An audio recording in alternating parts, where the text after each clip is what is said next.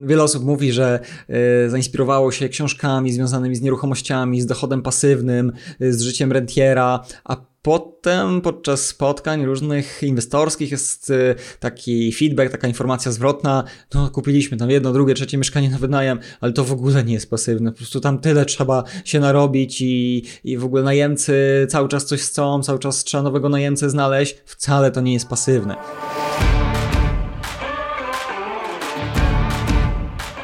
Słuchasz podcastu Inwestowanie w mieszkania. Odcinek pierwszy. Z tej strony Kasia Gorzędowska i Jeremiasz Gorzędowski. W tym odcinku porozmawiamy o ośmiu mitach na temat inwestowania w nieruchomości. Dlaczego taki temat? Dlatego, że takie mocno zakorzenione mity bardzo często powstrzymują inwestorów przed działaniem. Porozmawiamy o tym, czy naprawdę nie ma już żadnych okazji, co z tą bańką, dochodem pasywnym, a także słynnym będzie Pan zadowolony.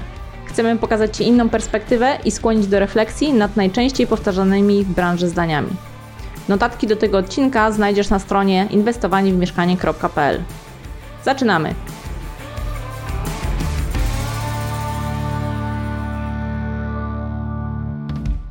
Mit numer jeden to na rynku nie ma już okazji. Jeremiasz, co na ten temat sądzisz? Ostatnio nawet na forum przeczytałam, że ktoś od kilku lat szuka okazji. Jak to jest z tymi okazjami? No właśnie, ten mit powtarza się od lat yy, i nie jest czymś nowym i powtarza się tak naprawdę, jak obserwuję, u dwóch grup osób. Często mówią tak początkujące osoby, które nie zrobiły jeszcze żadnej transakcji i pewnie tłumaczą sobie trochę tak naprawdę tym mitem swój brak działania. To, że cały czas nie mogą zdecydować się na to, żeby rzeczywiście przejść do swojej pierwszej inwestycji i to jest taka pierwsza grupa osób, ale też obserwuję ten mit y, u, co ciekawe, już doświadczonych inwestorów, u takich inwestorów, którzy już trochę inwestycji zrobili i na przykład mieli jakąś przerwę kilkumiesięczną w inwestowaniu albo trochę dłuższą. I to, że obserwują rynek, który zmienił się w ciągu tego czasu, często był to rynek rosnący w tym czasie, czyli Obecnie oceniają, że ceny, które musieliby zapłacić za daną nieruchomość są tak wysokie, że to nie jest okazja, no bo wszystko liczą przez pryzmat swoich wspomnień, swoich doświadczeń sprzed kilku miesięcy czy kilku lat, kiedy te ceny były dużo niższe, no i to ich blokuje, żeby tak naprawdę e, nie działać i ponownie nie inwestować w nieruchomości. Na cenę potrafi patrzeć każdy, ale bardzo często okazję wyznacza tak naprawdę potencjał mieszkania. Na przykład kupiliśmy mieszkanie, które wisiało na rynku w ogłoszeniach od dwóch lat i nikt na nie nie patrzył, ponieważ no, każdy uważał, że jeżeli mieszkanie wisi już tyle czasu na rynku, to coś z nim jest nie tak. No właśnie, cena to nie wszystko, tak jak powiedziałaś. Bardzo często ten potencjał jest istotny, ale co nazywamy tym potencjałem? No, to jest bardzo często niestandardowy czasami układ mieszkania, taki, który pozwala zrobić kilka pokoi na wynajem, albo mikrokawalerki, albo podzielić administracyjnie mieszkanie. Często ten potencjał tkwi w bardzo złym stanie technicznym, albo nawet takim bałaganie, czy jakichś brzydkich zapachach w mieszkaniu, które wyganiają większość inwestorów i część osób po prostu stwierdza, stwierdza, że nie, to mieszkanie jest tak fatalne, że nie będę kupował takiego mieszkania, no bo kto by takie mieszkanie chciał? A często to są właśnie te uśpione okazje, te brzydkie kaczątka, które jeżeli rzeczywiście y, odpowiednio na nie spojrzymy, włożymy odpowiednią ilość energii, pomysłu, czasu, wiedzy, remontu, to mogą przynieść nam bardzo, bardzo fajne stopy zwrotu. Pamiętam też, Jeremiasz, że na swoim szkoleniu remontowym, jak odwiedzałeś z kursantami różne mieszkania, które wtedy mieliśmy w trakcie remontu. Wszedłeś do mieszkania i jeden z kursantów powiedział: Wow, chciałem kupić to mieszkanie, ale nie wiedziałem, że można tak zrobić. Także tutaj dostrzeżenie tego potencjału plus wiedza remontowa, co zrobić, naprawdę robi robotę i okazuje się, że mieszkanie, które oglądaliśmy, które pierwszym rzutem nie było okazją, okazuje się, że no jest. Tak, tak, zdecydowanie. Też oczywiście to nie jest tak, że namawiamy do tego, żeby teraz kupować wszystkie mieszkania, bo każde mieszkanie będzie tą okazją. No to tak nie jest, ale też powtarzanie sobie, że tych okazji nie ma, do niczego nas nie prowadzi. Oczywiście musi być po prostu y, zrobiona solidna analiza, przewidywania odnośnie tego, co chcemy zrobić, czy to ma być flip, czy to ma być mieszkanie na wynajem. Y, musimy odpowiednio to poprzeliczać, zobaczyć, jakie aktualnie rynkowo mamy stopy zwrotu, żeby też y, mieć jakiś benchmark, wiedzieć, do czego porównać to mieszkanie, do innych podobnych najlepiej. No i na tej podstawie tak naprawdę możemy stwierdzić, czy to jest okazja, czy nie. A jeżeli nawet nie, to często właśnie możemy sami remontowo taką okazję wytworzyć. Czyli podsumowując, na rynku nie ma już okazji, to jest zdecydowanie mit. Okazje są, były i będą. tylko tak naprawdę są różnie postrzegane przez inwestorów. Mit numer dwa to za chwilę pęknie ta bańka na nieruchomościach. Jeremiasz, co na ten temat myślisz? Tak, rzeczywiście y, znowu taki mit czy taka teza y, powtarza się bardzo często, zwłaszcza na rynku rosnącym, kiedy inwestorzy widzą, że nieruchomości rosną w cenie. Y, zdarzają się okresy, że ten wzrost jest naprawdę pokaźny i zdajemy sobie sprawę, że już po kilku miesiącach od zakupu nieruchomości jesteśmy kilkadziesiąt tysięcy złotych do przodu i to daje no, rzeczywiście do myślenia, czy zaraz te ceny nie spadną. Natomiast no, pamiętajmy, że sam wzrost ceny nieruchomości, zwłaszcza jeżeli jesteśmy w trakcie inflacji, jest czymś tak naprawdę naturalnym i jedno jest y, tym, że wzrasta cena, a czymś innym, że wzrasta wartość nieruchomości, więc to też trzeba y, rozróżnić. No i też jeżeli chodzi o bańkę, to co to jest bańka? To jest tak naprawdę no, taki moment tak mocnego wzrostu, tak dużego i dynamicznego, który rzeczywiście doprowadza do pewnej korekty, czyli ten wzrost cen nie ma uzasadnienia, czyli cena nieruchomości nie ma uzasadnienia w pewnym momencie. Natomiast to pytanie, co miałoby się teraz stać, żeby rzeczywiście e, uzasadnić to, że ceny nieruchomości są zbyt wysokie? Czy nasze potrzeby mieszkaniowe są za małe? Czy rzeczywiście tylu inwestorów kupuje i te mieszkania stoją puste? Co rzeczywiście miałoby stać za tą bańką? Prawda też jest taka, że im dłużej te ceny nieruchomości rosną, w tym wypadku mniej więcej od 2013 roku mamy te wzrosty, tym więcej o tym słychać. I tak naprawdę no, jesteśmy w bańce, ale jako inwestorzy bardzo często takiej informacyjnej, bo interesujemy się tymi nieruchomościami, otaczamy się ludźmi z tej branży, słuchamy szkoleń i w pewnym momencie okazuje się, że wszyscy dookoła nas inwestują w nieruchomości. Z kim nie porozmawiamy, ten ma mieszkanie na wynajem albo zrobił flipa. Ale tak naprawdę, czy to znaczy, że faktycznie wszyscy ludzie w Polsce mają mieszkania na wynajem? No niekoniecznie, więc no, jesteśmy na pewno w tej bańce, ale informacyjnej. A czy jest taka bańka mm, na nieruchomościach? No niekoniecznie. Tak, poza tym też trzeba sobie zadać pytanie, ok, ale boimy się bańki, bo co może się wydarzyć? No jeżeli mówimy o inwestowaniu w mieszkania, to tak naprawdę będziemy zazwyczaj mówili o dwóch głównych typach inwestycji: albo o flipach, albo o wynajmie. I teraz, jeżeli mówimy o wynajmie, no to generalnie inwestujemy po to w mieszkania na wynajem, żeby praktycznie nigdy nie musieć ich sprzedawać. Najlepiej, żeby one zawsze przynosiły nam dochód pasywny, więc to, czy tak naprawdę te ceny nieruchomości będą wzrastały, czy y, będą malały, no to w pewnym sensie nie będzie miało znaczenia.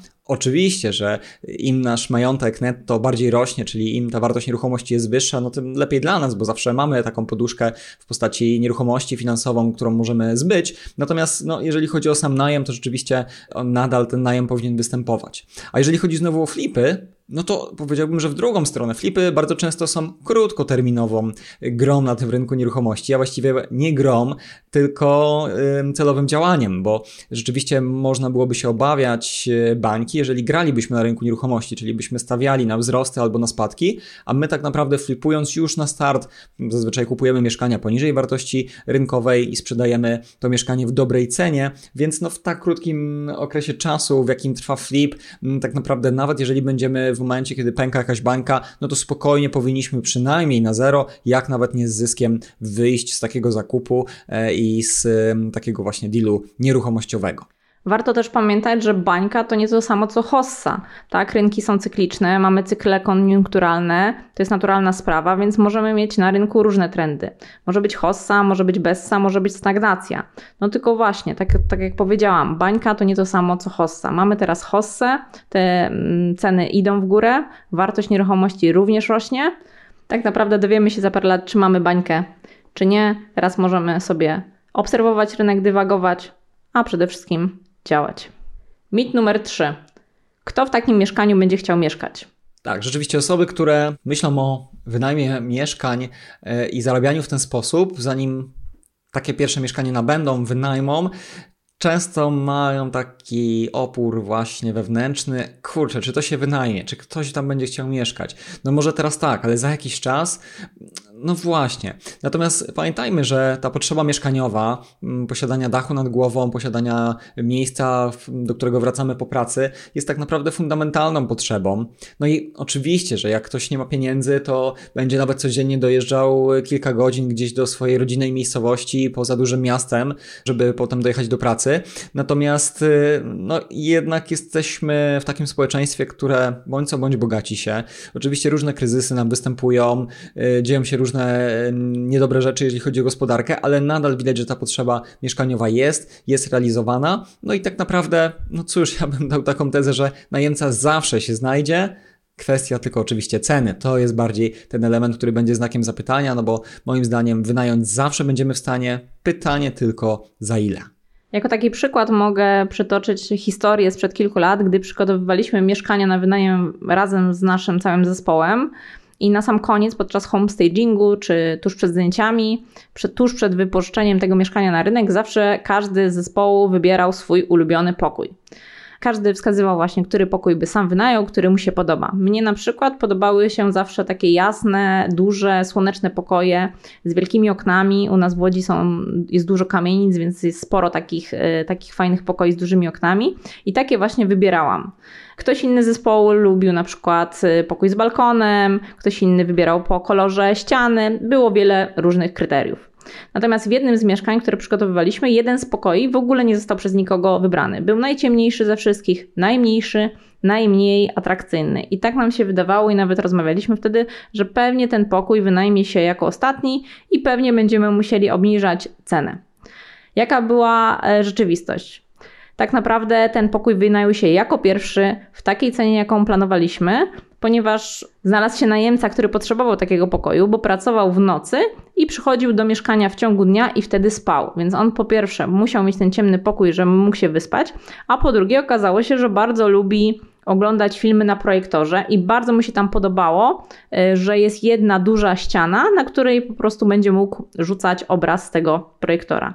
I według nas ten pokój był najmniej atrakcyjny, a okazało się, że wynajął się jako pierwszy i teraz po kilku latach mogę powiedzieć, że wynajmuje się do tej pory w takich cenach, jakie oczekiwaliśmy, także tutaj wcale nie trzeba było obniżać tej ceny. Także oczekiwania versus rzeczywistość to zdecydowanie dwie różne rzeczy. Trzeba patrzeć, y, co klient chce, a nie to, co my na ten temat myślimy. Tak, też jako kolejny przykład mogę podać y, kwestię przedmiotu najmu, tak mówiąc y, bardzo y, naukowo, y, czyli tak naprawdę pokoju na wynajem. W mieszkaniu na podnajem kiedyś zrobiliśmy taki pokoik bardzo mały, 4,9 metra bodajże miał. Ja obecnie nie jestem w ogóle fanem małych pokoi na wynajem, więc nie odbierzcie tego jako jakaś pochwałka. Teraz zdecydowanie te pokoje mm, lubimy robić większe, natomiast no, wtedy taki pokój rzeczywiście mógł powstać. On nie mógł być większy, ponieważ była w tym mieszkaniu taka bardzo malutka kuchenka i tak naprawdę po wydzieleniu ścianki, no to pomieszczenie nie mogło mieć więcej niż 4,9 metra. No i zastanawialiśmy się, na ile rzeczywiście ktoś będzie chciał mieszkać. Wiecie, szafa to taka nawet e, nie aneboda, tylko taka płaska, gdzie wieszaki jakby 90 stopni trzeba było obracać, e, żeby w ogóle włożyć je do szafy, bo inaczej się nie mieściły. Naprawdę minimalny pokoik. Natomiast no, co się okazało? Wystarczyło dać dosłownie o 100-150 niższą cenę, czyli jakieś powiedzmy 20% niż pozostałych pokoi, to co to jest 20%, niezbyt duża obniżka, żeby zapewnić sobie, że obłożenie tego pokoiku od lat cały czas jest. Czyli no, wniosek jest taki, że pewnie każdy albo większość produktów znajdzie e, swojego amatora. No, pytanie tylko, jaką kwotę, jaką cenę ten amator będzie w stanie dać, żeby rzeczywiście w takim pokoju czy mieszkaniu e, zamieszkać. Mit numer cztery. Na inwestowaniu w nieruchomości nie można stracić. To jak to jest? Można stracić, czy nie można stracić? No dobrze, powiem od razu, bez trzymania w napięciu. Pewnie, że można stracić. Do tej pory były raczej takie mity, o takich mówiliśmy, które trzymają nas przed inwestowaniem e, i które e, sprawiają, że często no, nie decydujemy się na tą pierwszą czy kolejną inwestycję. Ten mit w drugą stronę wręcz zachęca nas, żeby po prostu inwestować, bo nieruchomości wybaczają wszystko i po prostu bez względu na to, co zrobimy, zawsze zyskamy. No, Powiedziałbym, że w tym micie jest takie ziarko prawdy, o ile y, będziemy robili to y, odpowiednio mądrze, z głową, to nieruchomości bardzo dużo nam wybaczą, ponieważ y, też mając trochę szczęścia, będąc na rynku rosnącym, nawet jeżeli kupimy zbyt drogo, to po jakimś czasie nieruchomość nabiera takiej wartości, że możemy i na flipa takie, taką mieszkanie sprzedać i tak zarobić biorąc pod uwagę, że nie mieliśmy dużych kosztów finansowania. Czy jeżeli chodzi o wynajem, no zbyt dużo nie zarabiamy, ale może byliśmy w stanie mieć preferencyjny kredyt na przykład i skorzystać z dźwigni finansowej i przez to niezbyt duży dochód z najmu i tak daje nam właśnie plus. Więc no, mm, jest to mit, że nie można stracić, bo można i moim zdaniem można poprzez brak wiedzy, poprzez e, brak odpowiedniego podejścia do tematu, odpowiedniej analizy, pójście w jakąś inwestycję, bo na przykład pośrednik nam powiedział, że to jest świetna inwestycja i to już nam wystarczyło i po prostu to mieszkanie kupiliśmy. Więc no, brak wiedzy, brak przygotowania rzeczywiście może doprowadzić do tego, że będziemy niezadowoleni z danej inwestycji i rzeczywiście nawet w pewnym sensie będziemy w stanie finansowo na takiej inwestycji coś stracić. Ale przecież kolega kupił, nic nie wiedział i zarobił. No właśnie, i tutaj wracamy do tego tematu, że nieruchomości naprawdę wiele wybaczają, zwłaszcza w, drugim, w długim terminie, zwłaszcza y, na rynku rosnącym, to naprawdę y, wiele osób y, inwestując w nieruchomości no nie odczuwa tego i tego farta ma bardzo dużo, dlatego myślę, że mm, dlatego nieruchomości są tak popularne i wiele osób rzeczywiście bierze się za te nieruchomości, mając swoje inne biznesy, czy pracując gdzieś na etatach, to i tak, tak ciągnie ich do tych nieruchomości, no bo jest bardzo dużo pozytywnych historii z tego względu, że no, naprawdę przy odrobinie szczęścia trudno jest na tych nieruchomościach stracić, aczkolwiek powiedzenie, że nie można, jest po prostu mitem. Czyli poznaj rynek, zdobądź wiedzę, przelicz inwestycje w kilku wariantach i wtedy będziesz wiedział, czy można, czy nie można i z, jakim, z jakimi ryzykami to się wiąże. Mit numer 5. Nieruchomości dadzą ci dochód pasywny. To mit, czy może jednak nie? Tak jest. No, wiele osób mówi, że y, zainspirowało się książkami związanymi z nieruchomościami, z dochodem pasywnym, y, z życiem rentiera, a potem podczas spotkań różnych inwestorskich jest y, taki feedback, taka informacja zwrotna, no kupiliśmy tam jedno, drugie, trzecie mieszkanie na wynajem, ale to w ogóle nie jest pasywne, po prostu tam tyle trzeba się narobić i, i w ogóle najemcy cały czas coś chcą, cały czas trzeba nowego najemcę znaleźć, wcale to nie jest pasywne. No i właśnie, jak to jest? Jak to jest? Po pierwsze, no, myślę, że trzeba zwrócić uwagę, że to są dwa różne aspekty: inwestowanie w nieruchomości, a biznes oparty o nieruchomości. Czyli my w ramach swojej firmy zarządzającej uważam, że mamy takie osoby, takich właścicieli mieszkań, którzy rzeczywiście, którzy rzeczywiście mogą powiedzieć, że to jest ich dochód pasywny, ponieważ oni zdecydowali się oddać firmie zarządzającej, akurat naszej firmie zarządzającej, takie mieszkanie w obsługę. Oczywiście muszą podzielić się swoim dochodem, no muszą zapłacić za tą usługę, natomiast dzięki temu takie nieruchomości, taki przychód z najmu może być dla nich pasywny.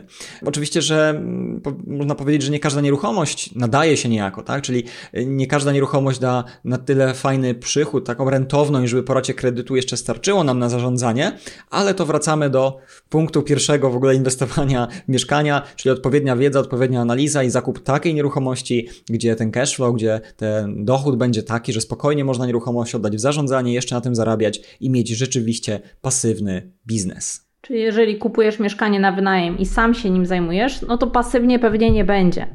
Jeśli oddajesz mieszkanie w zarządzanie, to pytanie, czy jesteś mentalnie gotowy, żeby oddać taką całkowitą decyzyjność. Bo jeżeli tak, no to pewnie ten dochód będzie mógł być pasywny. Jeżeli nie i będziesz uprawiał mikrozarządzanie, jak jednak większość inwestorów, to niestety pasywnie nie będzie.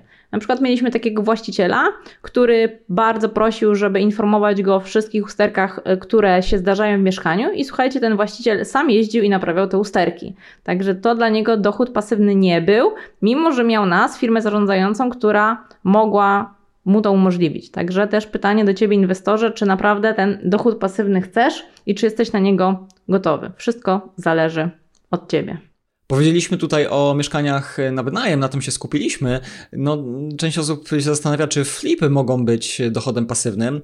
No, flipy wymagają dużo więcej zaangażowania czasowego, mentalnego. Tam po prostu pracujemy nad tym flipem, żeby to zrobić. No i no, zastanawiam się oczywiście, czy to może być pasywne. Może być, ale w takim sensie, że robimy taką firmę, struktury, biznes swój, zatrudniamy po prostu dyrektora zarządzającego i taka firma będzie robiła flipa, a my po prostu jako y, właściciel takiej firmy potem mamy pewien zysk. No to w tym sensie może to być pasywne, ale to tak jak każdy inny biznes, czyli no, firma, która robi flipy, będzie firmą, która produkuje ciasteczka, która sprzedaje samochody, która produkuje cokolwiek innego i no, w tym sensie y, no, taki biznes też może być pasywny, jeżeli będziemy mieli odpowiednią strukturę, odpowiednie osoby, które będą takim biznesem zarządzały.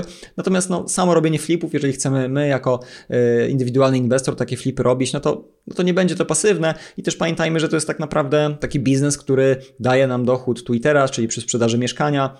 E, projekt y, skończył się, mógł potrwać kilka dni, kilkanaście, ewentualnie kilka miesięcy.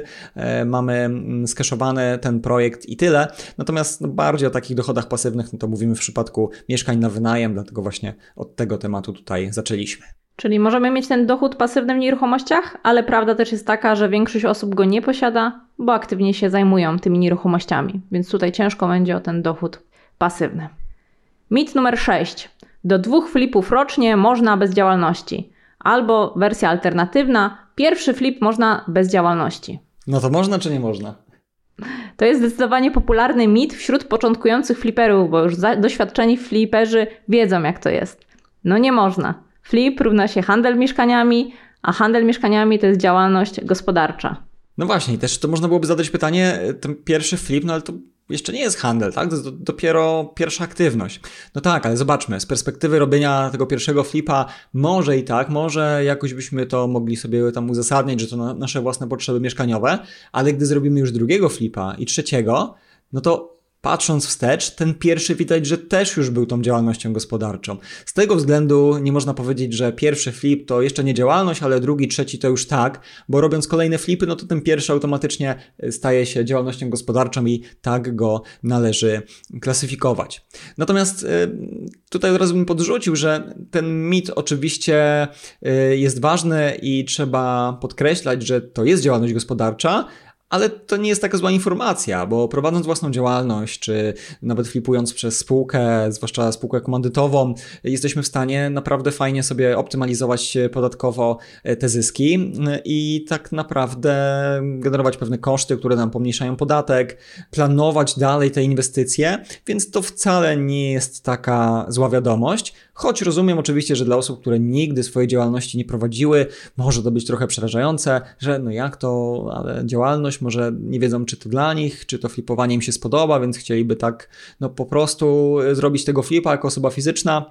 No z jednej strony rozumiem, z drugiej strony my stawiamy zawsze na bezpieczeństwo i tutaj tak naprawdę fajnie byłoby już od pierwszego flipa zrobić to przez działalność, przez spółkę, a jeżeli tej działalności nie mamy, to może wejść we współpracę z kimś, kto już flipuje, żeby rzeczywiście w ten sposób przekonać się, czy to jest dla nas, a potem zacząć robić to już na własny rachunek. Zdecydowanie mit i oszczędności nie warte problemów i kar, które mogą się ewentualnie pojawić w przyszłości. Mit numer 7. Będzie Pan zadowolony. I teraz pytanie, Jeremiasz, czy znasz kogoś, kto koniec końców po usłyszeniu takiego tekstu był zadowolony? No, mm, rzeczywiście nie kojarzę. Chociaż to jest tak, że ludzie jak są niezadowoleni, to najczęściej się chwalą i mówią, a jak przyszło, wszystko poszło ok, to często nie przychodzą z taką pozytywną informacją zwrotną. Natomiast y, jakby miał strzelać, no to statystycznie większość takich osób, które to usłyszały, e, nie była na końcu zadowolona. Dlaczego? No bo skoro usłyszeliśmy, będzie pan zadowolony, to pewnie zrezygnowaliśmy z umowy, najczęściej z wykonawcą remontowym, bo o tym tutaj mówimy, czasami też z pośrednikiem w obrocie nieruchomościami. No i niestety, ale bazując tylko na obietnicy raju, na tym, że ktoś nam coś obieca, powie, że będzie dobrze, to nie znaczy, że dobrze będzie. Może to nie być nawet wynik złych intencji mm, tego naszego współpracownika, czy właśnie zleceniobiorcy. Po prostu pewne nieprzewidziane sytuacje dzieją się, jeżeli inwestujemy w nieruchomości. No i teraz, jak taka sytuacja się zdarzy, to dużo lepiej jest mieć umowę, która jasno stanowi, co działamy, co robimy, jak rozwiązujemy problemy, które nam powstaną w trakcie. Co jeżeli remont się przeciągnie, co jeżeli będzie droższy, mm, trzeba będzie więcej zapłacić teoretycznie za robociznę, no, w umowie będzie to wszystko zapisane, yy, zakontraktowane, zalimitowane, więc dzięki temu będziemy w stanie zminimalizować to ryzyko związane z inwestowaniem i rzeczywiście zakończyć każdą inwestycję w przewidywanym takim efekcie finansowym, tak jak sobie to założyliśmy. Podsumowując, to ty jako inwestor masz wiedzieć, czego chcesz i weryfikować to na każdym etapie. Sprzedawca pokazuje ci jakąś tabelkę, sprawdź sam, czy te liczby mają sens. Sprawdź z ekipą remontową, czy będziesz mógł dokonać takich zmian, jakie proponuje sprzedawca czy pośrednik. Ekipa remontowa robi coś nie tak, ale obiecuje, że będzie dobrze. Tak naprawdę, zanim to się stanie, to już powinieneś zadbać o to, żeby podpisać dobrą umowę remontową, żeby kontrolować ich etapami. Także staraj się, żeby w ogóle nie było takiej sytuacji, gdzie ktoś ci będzie mówił, będzie pan zadowolony. Mit numer 8. To moje mieszkanie, więc mogę w nim wszystko. Jak to z tym jest? Tak, no wolność Tomku w swoim domku, yy, bardzo często powtarzamy, no do pewnych granic tak. Natomiast pamiętajmy, że nawet posiadając mieszkanie tak zwane własnościowe, czyli yy, stanowiące odrębną nieruchomość, yy, no to yy, wpływamy jednak czy swoimi pracami na sąsiadów czy na części wspólne, no i też podlegamy pod prawo budowlane, tak, pod ustawę prawo budowlane, pod yy, rozporządzenie ministra w sprawie warunków technicznych, więc no nie jest tak do końca, że wolność Tomku w swoim domku, aczkolwiek oczywiście czasami wspólnoty mieszkaniowe czy spółdzielnie y, żądają dostępu do mieszkania w trakcie remontu i bardzo często przekraczają swoje uprawnienia i to nie jest tak, że, że należy zawsze mm, ich wpuszczać. Natomiast no, pamiętajmy, że jednak jesteśmy obwarowani odgórnymi przepisami, zwłaszcza związanymi z remontem i tutaj powinniśmy zadbać o to, czy te prace remontowe, które wykonujemy, czy jakieś podziały, czy jakieś inne sposoby modyfikacji mieszkania, no nie są w sprzeczności z przepisami, ponieważ jeżeli będziemy y, niestety doświadczali kontroli nadzoru budowlanego, no to może się okazać, że pewne problemy będziemy mieli. A im bardziej zaawansowany remont, y, podział na pokoje, czy nawet mikrokawalerki, no to rzeczywiście tutaj tych wyzwań jest dużo, dużo więcej i musimy być bardziej świadomi, jak to wszystko robić. To jest jeszcze alternatywna wersja tego mitu, który słyszałam na którymś ze spotkań inwestorów. E, jeden z inwestorów powiedział do drugiego: Ale przecież inni robią to bez pozwoleń i dokumentacji, to dlaczego ja mam tak robić?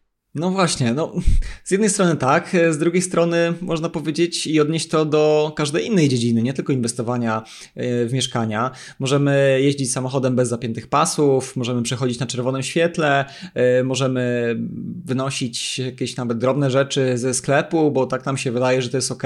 No, ale jednak łamiemy pewien porządek świata, łamiemy kodeks etyczny, kodeks e, prawny, więc no trzeba sobie odpowiedzieć na pytanie, czy chcemy postępować zgodnie z prawem, zgodnie z przepisami, czy też nie.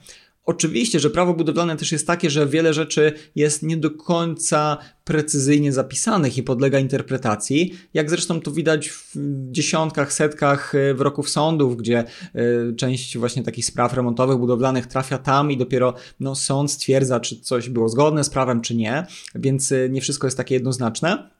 I czasami jako inwestorzy no, musimy na tym bazować, że no, nie jest jakby w pełni pewne, czy y, musimy na jakieś prace uzyskać pozwolenie, czy nie, no to interpretujemy na swoją korzyść. Natomiast przede wszystkim zadbajmy o bezpieczeństwo. Zadbajmy o bezpieczeństwo swoje, y, swoich najemców, y, innych y, osób, które mieszkają w danym budynku, tak żeby rzeczywiście no, nie robić takich rzeczy jak ingerencja w ściany nośne bez projektu, bez pozwolenia, bez głowy i ingerencja w inne instalacje instalacje, co może po prostu przysporzyć życie problemów, y, czy nawet być zagrożeniem dla innych. To by było na tyle w tym odcinku. Osiem mitów, które omówiliśmy to na rynku nie ma już okazji, za chwilę pęknie ta bańka na nieruchomościach, kto w takim mieszkaniu będzie chciał mieszkać, na inwestowaniu w nieruchomości nie można stracić, nieruchomości dadzą Ci dochód pasywny, do dwóch flipów rocznie można bez działalności, będzie Pan zadowolony i to moje mieszkanie, więc mogę w nim wszystko. Tak jak pewnie sam widzisz, w każdym z mitów coś jest, jakieś ziarnko prawdy. Ale czy to wszystkie mity? Pewnie nie, pewnie jeszcze z wieloma mitami się spotkaliście. Zapraszam więc do wejścia na stronę inwestowaniewmieszkania.pl. Jeżeli spotkałeś się jeszcze z jakimiś mitami związanymi z nieruchomościami, koniecznie poinformuj nas o tym poprzez formularz kontaktowy. E, Im szybciej, im więcej takich mitów prześlecie, tym szybciej będziemy mogli zrobić kolejny odcinek o kolejnej serii mitów i wziąć je na tapet. Zapraszamy też do notatek z tego odcinka, również na stronie inwestowaniewmieszkania.pl oraz też do przesyłania do nas kolejnych pytań dotyczących nieruchomości. Będziemy na Wasze pytania odpowiadać też w kolejnych odcinkach tego podcastu. Subskrybuj podcast w ulubionej aplikacji i do usłyszenia w kolejnym odcinku. Cześć! Cześć! Czy te liczby mają sens? Co, Co to było? Miało być klasnęła. Nie. To nie, nie ten, nie prąd strzelił? No, tak mogło być. A teraz nagrywamy, czy tak porozmawiamy? Rozmawiamy. Aha, okej. No dobra, dobra.